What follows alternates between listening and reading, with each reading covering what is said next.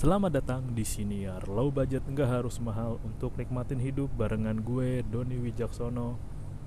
Dan gue masih buat ini lagi di luar. Kenapa ya? Gue sempet buatnya di luar ya? Gue nggak tahu deh. Beberapa episode terakhir emang lebih banyak di luar. Mungkin karena Nyampe rumah Gue lagi nguber Baca buku. Dan gue seneng banget sih. Buku Pecahkan New York udah nyampe. Itu dari gue lihat sekilas aja tuh bukunya bagus. Isinya menarik dan karena gue PO-PO awal ya masih dapat postcard lucu. Postcardnya lucu lagi dari Bang Panji. Kayak terima kasih komika pecahkan. Makasih. Nah gue mau ngebahas yang update nggak update banget sih sebenarnya. Jadi konteks pertama nanti kita akan masuk ke pembahasan lu ngikutin American Idol yang sekarang nggak? Gue baru tau lo American Idol udah season 21 Berarti mungkin hampir setiap tahun tuh ada American Idol kali ya di Amerika. Nah juara American Idol yang 2023 nih Namanya Iam Tongi. I am kayak I am Tongi Iam Tongi Dari Hawaii. Dia itu masih umur 18 tahun. Gue gak tau apakah udah 19 sekarang Tapi pas di audisi pertama bilang 18 tahun dari Hawaii. Lo kalau ngelihat audisinya dia waduh asli. Berbes mili cok asli. Asli sampai jurinya pun kayak berkaca-kaca. Gue ngomong ini lagi masih berkaca-kaca loh. Kayak maksud gue gue nahan, nahan karena wah lagu yang dibawain dari hati tuh bagus banget. Dia bawain lagunya James Blunt yang Monster ya walaupun emang gue kira lagu James Blunt yang Monster tuh lagu soal kayak Monster Inc.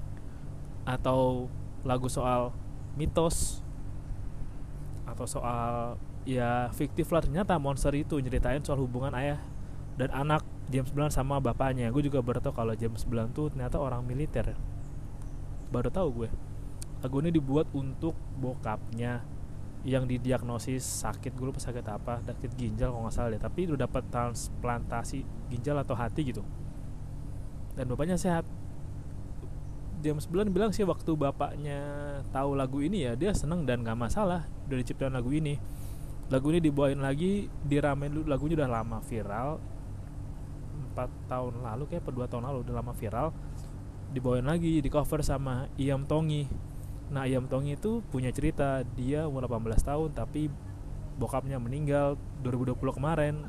Pak Rodney. Dia keinget bapaknya Dan dia bawain lagu Monster waktu audisi. Waduh bagus banget. Banget banget. Gue gak tau kenapa bisa sebagus itu ya.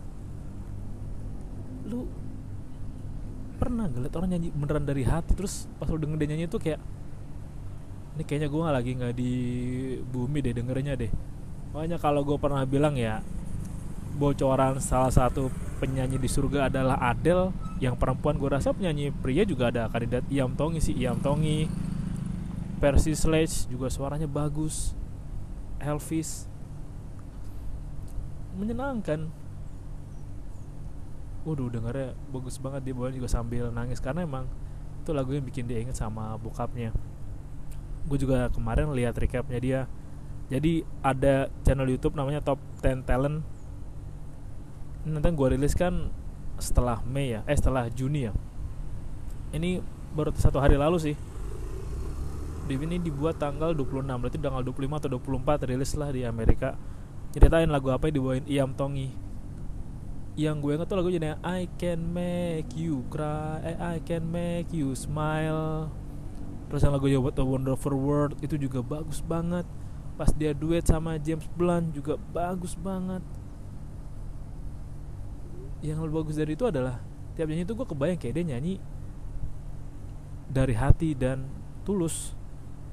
Nah yang melandasi, melandasi itu semua adalah karena lagu yang pertama dibawain soal monster lagu yang ceritain soal bokapnya. Dan lu tahu nih arahnya ke mana? Gua kemarin lihat di twitter eh di Twitter. Dan Instagram juga sih di Twitter juga ada artikel yang bilang di di Kompas juga ada tapi artikel yang baru dari Prambors ya. Yang dari Prambors bilang bahwa Indonesia tuh negara fatherless nomor tiga di dunia. Lu kebayang nggak Indonesia? Kan negara ada banyak nih ada ratusan lah Lituania terus apalagi Madagaskar negara bukannya? Mozambik, Ghana, Gabon, Uzbekistan, Turki, ya sebutin semuanya lah Indonesia peringkat ketiga negara yang fatherless. Gue nggak tahu riset apa, tapi gue ya mau percaya juga sih kan mengingat negara lain masyarakat yang nggak kayak kita, jumlahnya nggak banyak kita kan termasuk negara yang kesekian kan terpada di dunia nggak kayak kita. Lu bayangin negara kita jadi negara fatherless nomor tiga di dunia nih jadi bukan hal yang bisa dibanggakan bukan hal yang wih fatherless yatim dong gitu kayak wih fatherless gila berarti banyak anak kasih hubungan gelap dong enggak gitu sih konsepnya enggak gitu nih gue coba baca artikel dari gua sehat Indonesia berangkat ketiga fatherless country. Di manakah sebenarnya figur ayah dalam keluarga? Nah ini gue baca baca baca baca. Nah konsep ayah mencari nafkah menjadi dasar munculnya fenomena fatherless. Ayah mencari nafkah gue udah pernah bahas sebelumnya di low budget man dia bilang bahwa ya pria fungsinya buat cari kerja aja kok, buat cari uang juga kok. Ternyata emang fungsi peran ayah, peran bapak lebih dari itu sekarang balik lagi ke Iam Tongi Iam Tongi dari cara dia bawain lagu aja dia bagaimana sayang sama bokapnya itu ngasih tahu bahwa bokapnya berhasil memerankan fungsinya sebagai ayah. Bokapnya yang ngajarin musik yang memotivasi dia yang ada untuk dia. Lu bayangin sosok ayah yang berhasil lu bisa lihat di Iam Tongi ini menurut gua. Sosok ayah yang berhasil ayah yang berhasil seperti di Iam Tongi. Itu dampak ayah dan kita masih memandang bahwa peran bapak adalah cari duit guys. Cari duit yang banyak guys. Berangkat pagi pulang pagi guys. Yang mending duit banyak. Buat apa? Beli. Kurang apa? Beli. Ah, nggak ada masakan? Beli.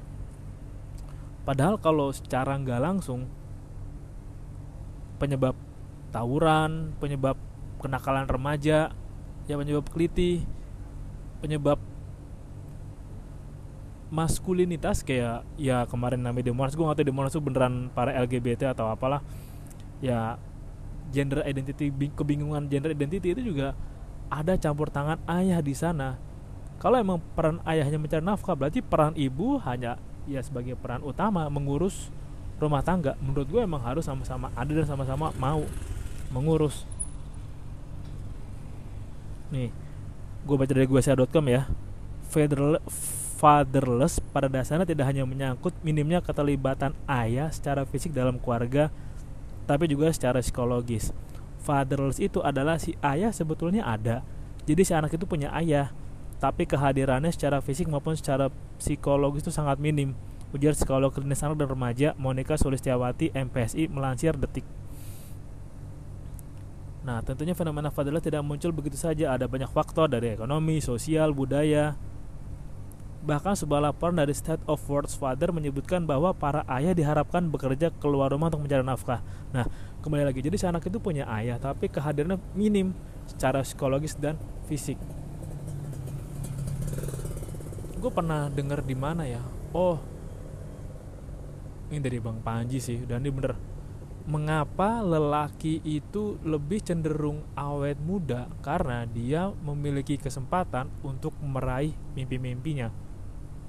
Gue ulangi, kenapa pria awet muda? Kenapa kayak cowok kayak Bradley Cooper atau kayak sebutnya kayak Tom Tom Cruise, Brad Pitt semakin tua semakin keren atau kayak yang kemarin kayak artis Indonesia kayak Jeremy, Jeremy Thomas yang makin tua yang makin keren karena dia masih punya kesempatan untuk meraih mimpinya dan punya kesempatan untuk bisa fleksibel bergaul ke lu, keluar rumah. Ya anak ada diurus sama emaknya lah ada mbaknya lah. Kayak gitulah. Dampak psikologis tuh kayak minim. Ini gue sempet perhatiin mungkin kalau lo juga perhatiin ya komunitas sekitar juga biar anak diem dikasih HP anaknya nangis nih udah kasih HP aja nih nonton YouTube pantengin padahal kalau diajak ngobrol apanya diajak ngobrol tanya kenapa? Nggak cuma yaudah kasih HP ya udah suruh jajan di luar kasih duit. Hal-hal kecil itu yang bisa memicu fatherless. Karena emang pengaruh budaya juga kita masih menekankan peran laki kan cari duit. Kalau menurut gue memang peran laki juga sama banyaknya dengan peran wanita. Yang membedakan adalah ya tenaga kita lebih banyak untuk laki jadi harus mau berjuang lebih dan mencari nafkah menjaga rumah tangga menjadi sosok figur ayah juga memerankan figur ayah mengatur anak ada kalanya emang lu pernah nggak ketemu temen lu yang ini kok dia bapak sama anak kayaknya kagak akur ya maksudnya nggak nggak kompak gitu nggak klop gitu kayak ketika anak yang ngajak cerita ke bapaknya bapaknya cuma eh iya oh gitu eh. Atau anaknya pas lagi cerita ke bapaknya bapaknya main game. Itu hal kecil yang selama ini kita sering lakuin. Gue nggak mau kayak gitu sih gue tau gue belum punya anak tapi ketika gue ngobrol sama ponakan gue gue lepasin HP atau kadang bentar ya om balas pesan dulu. Karena gue punya prinsip ya ketika gue ngobrol sama ponakan gue masih kecil gue harus hadir 100% dalam diri gue sekarang gue harus hadir 100% saat itu juga. Hadir 100% secara psikologis dan fisik gue tetap selalu ada karena emang yang dilihat dan dipelajari oleh anak-anak adalah ada di depan gue loh. Gue pingin gue kangen bapak gue. Gue pingin bapak gue ada di depan gue nih. Bener-bener bapak gue bukan bapak gue yang tanya ah oh ah oh main game tidur ngerokok sebat main game gitu-gitu aja. Itu sering terjadi kan karena tadi kayak budaya tadi. Nah di Indonesia juga sendiri konsep budaya patriarki masih kental. Karena pokoknya ayah tugasnya nyari nafkah deh Ibu mengurus domestik rumah Masuk rumah tangga, anak, familiar. Nah gue baca juga nih Ada beberapa bahaya atau dampak fatherless pada anak yang perlu di diketahui. Tadi gue udah bilang dikit soal gender identity lah Soal kenakalan remaja lah. Yang pertama itu ya kurang rasa percaya diri. Gue setuju karena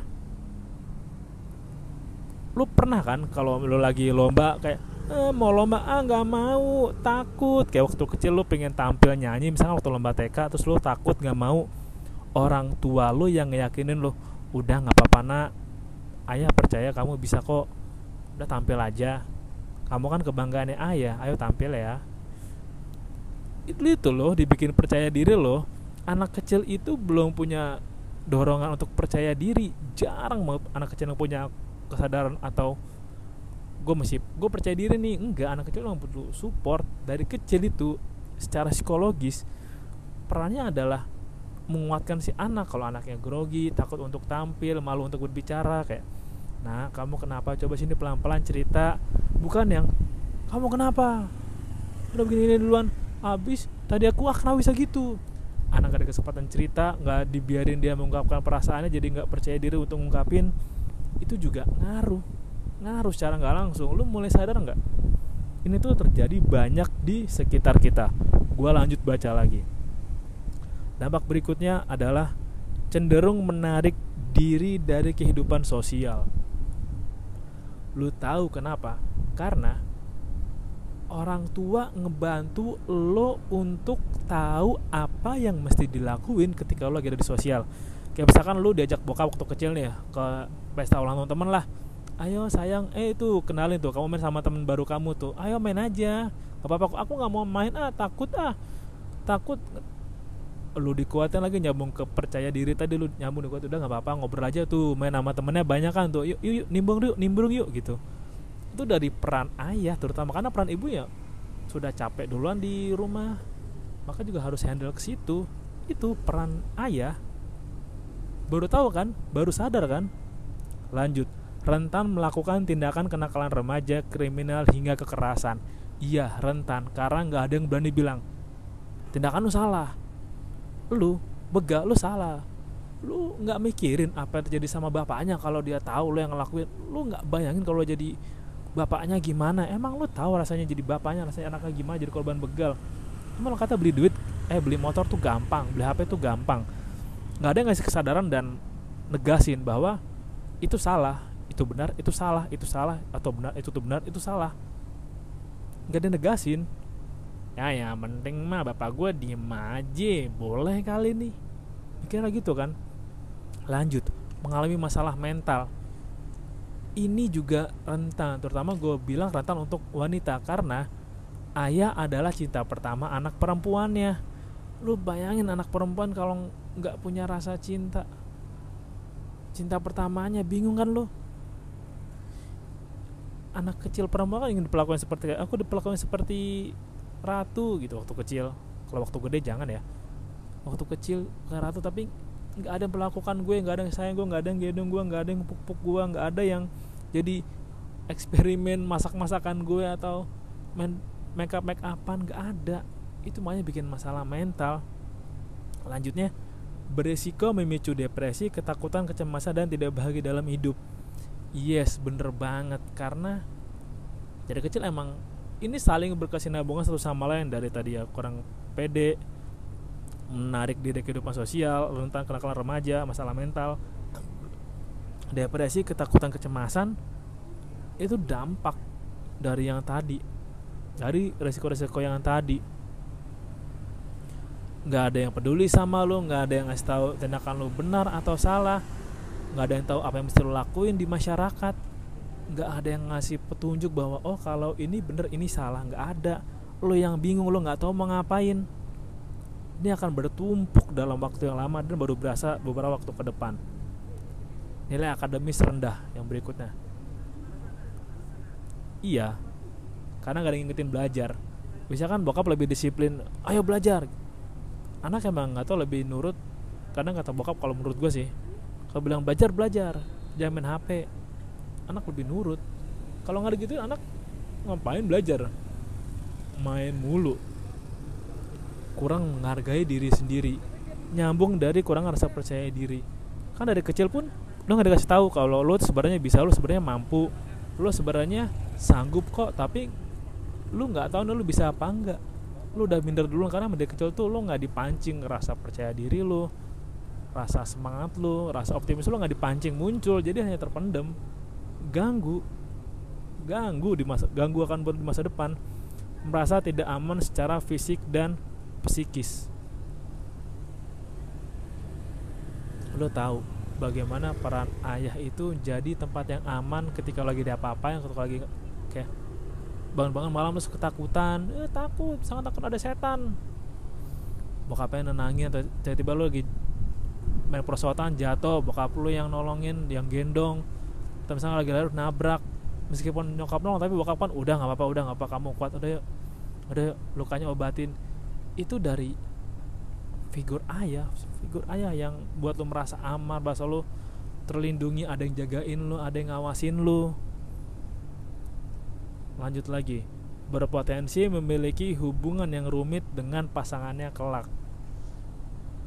Ini juga masih nyambung. Karena karena kelak lo akan jadi orang tua. Nyambung kan? Berpotensi memiliki hubungan yang rumit dengan pasangan kelak iya. Kelak lo yang cowok akan jadi orang tua. Lu nggak tahu mesti gimana karena dari kecil figur ayah nggak ada buat lo nggak pernah ada nggak pernah hadir secara fisik maupun pikiran buat lo ya lo bingung gue mau ngapain nih gue mesti gimana ya atau lo bisa dipelajarin kok iya tapi ngejalaninnya secara langsung seumur hidup lo pasti akan bingung. Dan bahkan ngaruh ke kontrol emosi diri lo yang wah berat deh. Berat. Lanjut sulit berkomunikasi dan memecahkan masalah. Memang kalau sama bokap tuh lu diajar untuk dan belajar untuk mengungkapkan apa yang emosi lo rasain dan belajar ngomongin aku sebenarnya begini kok. Lu tahu nggak sih VN yang anak minta maaf sama bapaknya karena burung disangkat bapaknya dilepas katanya yang nyuruh emaknya? Lucu banget sih lucu banget. Iya aku tadi disuruh ibu bersihin kandang. Kandangnya aku angkat Eh burungnya keluar. Maaf ya itu lucu banget sumpah. Kayak gitu loh itu penting. Anak udah nyaman berkomunikasi. Ketika anak udah nyaman berkomunikasi udah percaya diri untuk mengungkapin apa yang dirasain apa yang dipikirin ke depannya ngebantu banget untuk bisa ngobrol sama orang lain lah interaksi sama orang lain lah. Kalau dari kecil dia susah mau gede kayak gimana? Nah lu baru ngerasa nggak kayak iya lagi. Iya ya lu bayangin banyak anak-anak Indonesia yang kurang dengan sosok seperti itu. Lu bisa kebayang. Sebenarnya apa yang terjadi di bawah atau lu tahu teori iceberg nggak? Kan iceberg kan kayak gunung es. Tapi di bawah gunung es itu ada yang gunungnya batu mendalam gitu kan. Lu tahu nggak apa yang sebenarnya terjadi di gunung es di bawah laut yang iceberg itu? Banyak di situ kayak makanya kayak gua nggak tahu sih tapi gua mau ngejudge deh. Lo tau nggak kenapa cewek-cewek TikTok banyak yang bangga pamer aibnya pamer aku bisa staycation sama cowok aku atau kayak Ih punya titiknya kecil harus aku yang aku hyper hyper lu tau gue udah bahasnya di episode kemarin. Apa gue bahas yang bahasa bahasa Inggris ya? Gue lupa anjir. Gue udah bahas itu kayak banyak cewek yang pamer habis staycation ya habis senang-senang habis cudel-cudel habis apa minta dikit tapi kok kurang dianya? Kayak bisa jadi dia kekurangan figur. Ayah waktu kecil bilang kayak nak harga diri kamu dijaga ya. Jangan diumbar. Perempuan itu berharga harga diri kamu berharga harga diri kamu itu penting. Jangan berhal yang orang nggak bisa tahu. Ya. Benar ini yang B. Yang C bis TK yang dia ada Soichiro kayaknya deh pak. Iya muter balik itu. Kayak gitu. Mungkin nggak ada mungkin nggak ada sosok bapak yang bilang kamu jangan kayak gitu jangan jangan bocor gitu ngapain kamu ceritakan beda satu? Kamu kalau ada masalah cerita sama keluarga jangan diumbar. Kenapa kamu ngumbar? Kamu kurang kasih sayang waktu kecil. Bisa jadi emang cewek-cewek itu emang sosok orang yang nggak punya sosok ayah aja waktu kecil. Sosok ayahnya kurang sibuk kerja lah sibuk perjalanan dinas mulu lah sibuk keluar kota mulu lah ngurusin bisnis lah. Dampaknya apa? Ya itu nggak bisa temuin di tiktok tiktok lu mau punya anak perempuan kayak gitu? Gue sih nggak mau. Kalau gue punya anak cewek anak cewek gue kayak ngumbar aku yang hyper nih aku habis staycation sama pacar aku atau temen cowok aku. Gue marah banget marah banget gue. Bikin malu anjir. Lu cewek jangan aduh. Itu bagi pria yang ah gue udah berjuang lebih keluarga gue terus gue dapetin cewek yang kayak gitu. Aduh. Sedih men sedih. Bapaknya sedih pas itu marah pas itu. Walaupun gak marah berarti ada yang aneh sama bapaknya. Gue nggak tahu deh tapi buat lo yang udah jadi orang tua gue harap lo mau semakin banyak komunikasi dengan anak lo apalagi terutama bapak kan.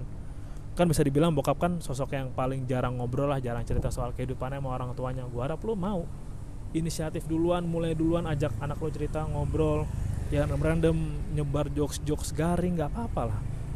Atau buat lo yang nggak dekat sama orang tua. Coba deh untuk belajar deketin hubungan lagi sama orang tua karena emang sih nggak semua orang tua tuh baik. Ada orang tua yang brengsek juga ada yang orang tua yang jadi anak sapi perah. Tapi emang kalau lo lihat bahwa sebenarnya gua hubungan gua dan orang hubungan gua dan bokap nyokap gue bisa baik. Tapi mesti diperbaikin aja nih. Lo bisa perbaikin perbaikin. Kalau emang nggak bisa lo cari solusi lain deh yang penting tetap intens komunikasi karena bagaimanapun ya kalau lo nggak ngobrol lo nggak tahu pikiran atau keinginan satu sama lain. Meskipun susah dikomunikasiin ya udah tapi tetap seenggaknya lo sebagai anak tetap tunjukin bahwa lo respect sama orang tua lo sih mau gue share di episode kali ini. Terima kasih sudah dengerin dan salam low budget. Nggak harus mahal untuk nikmatin hidup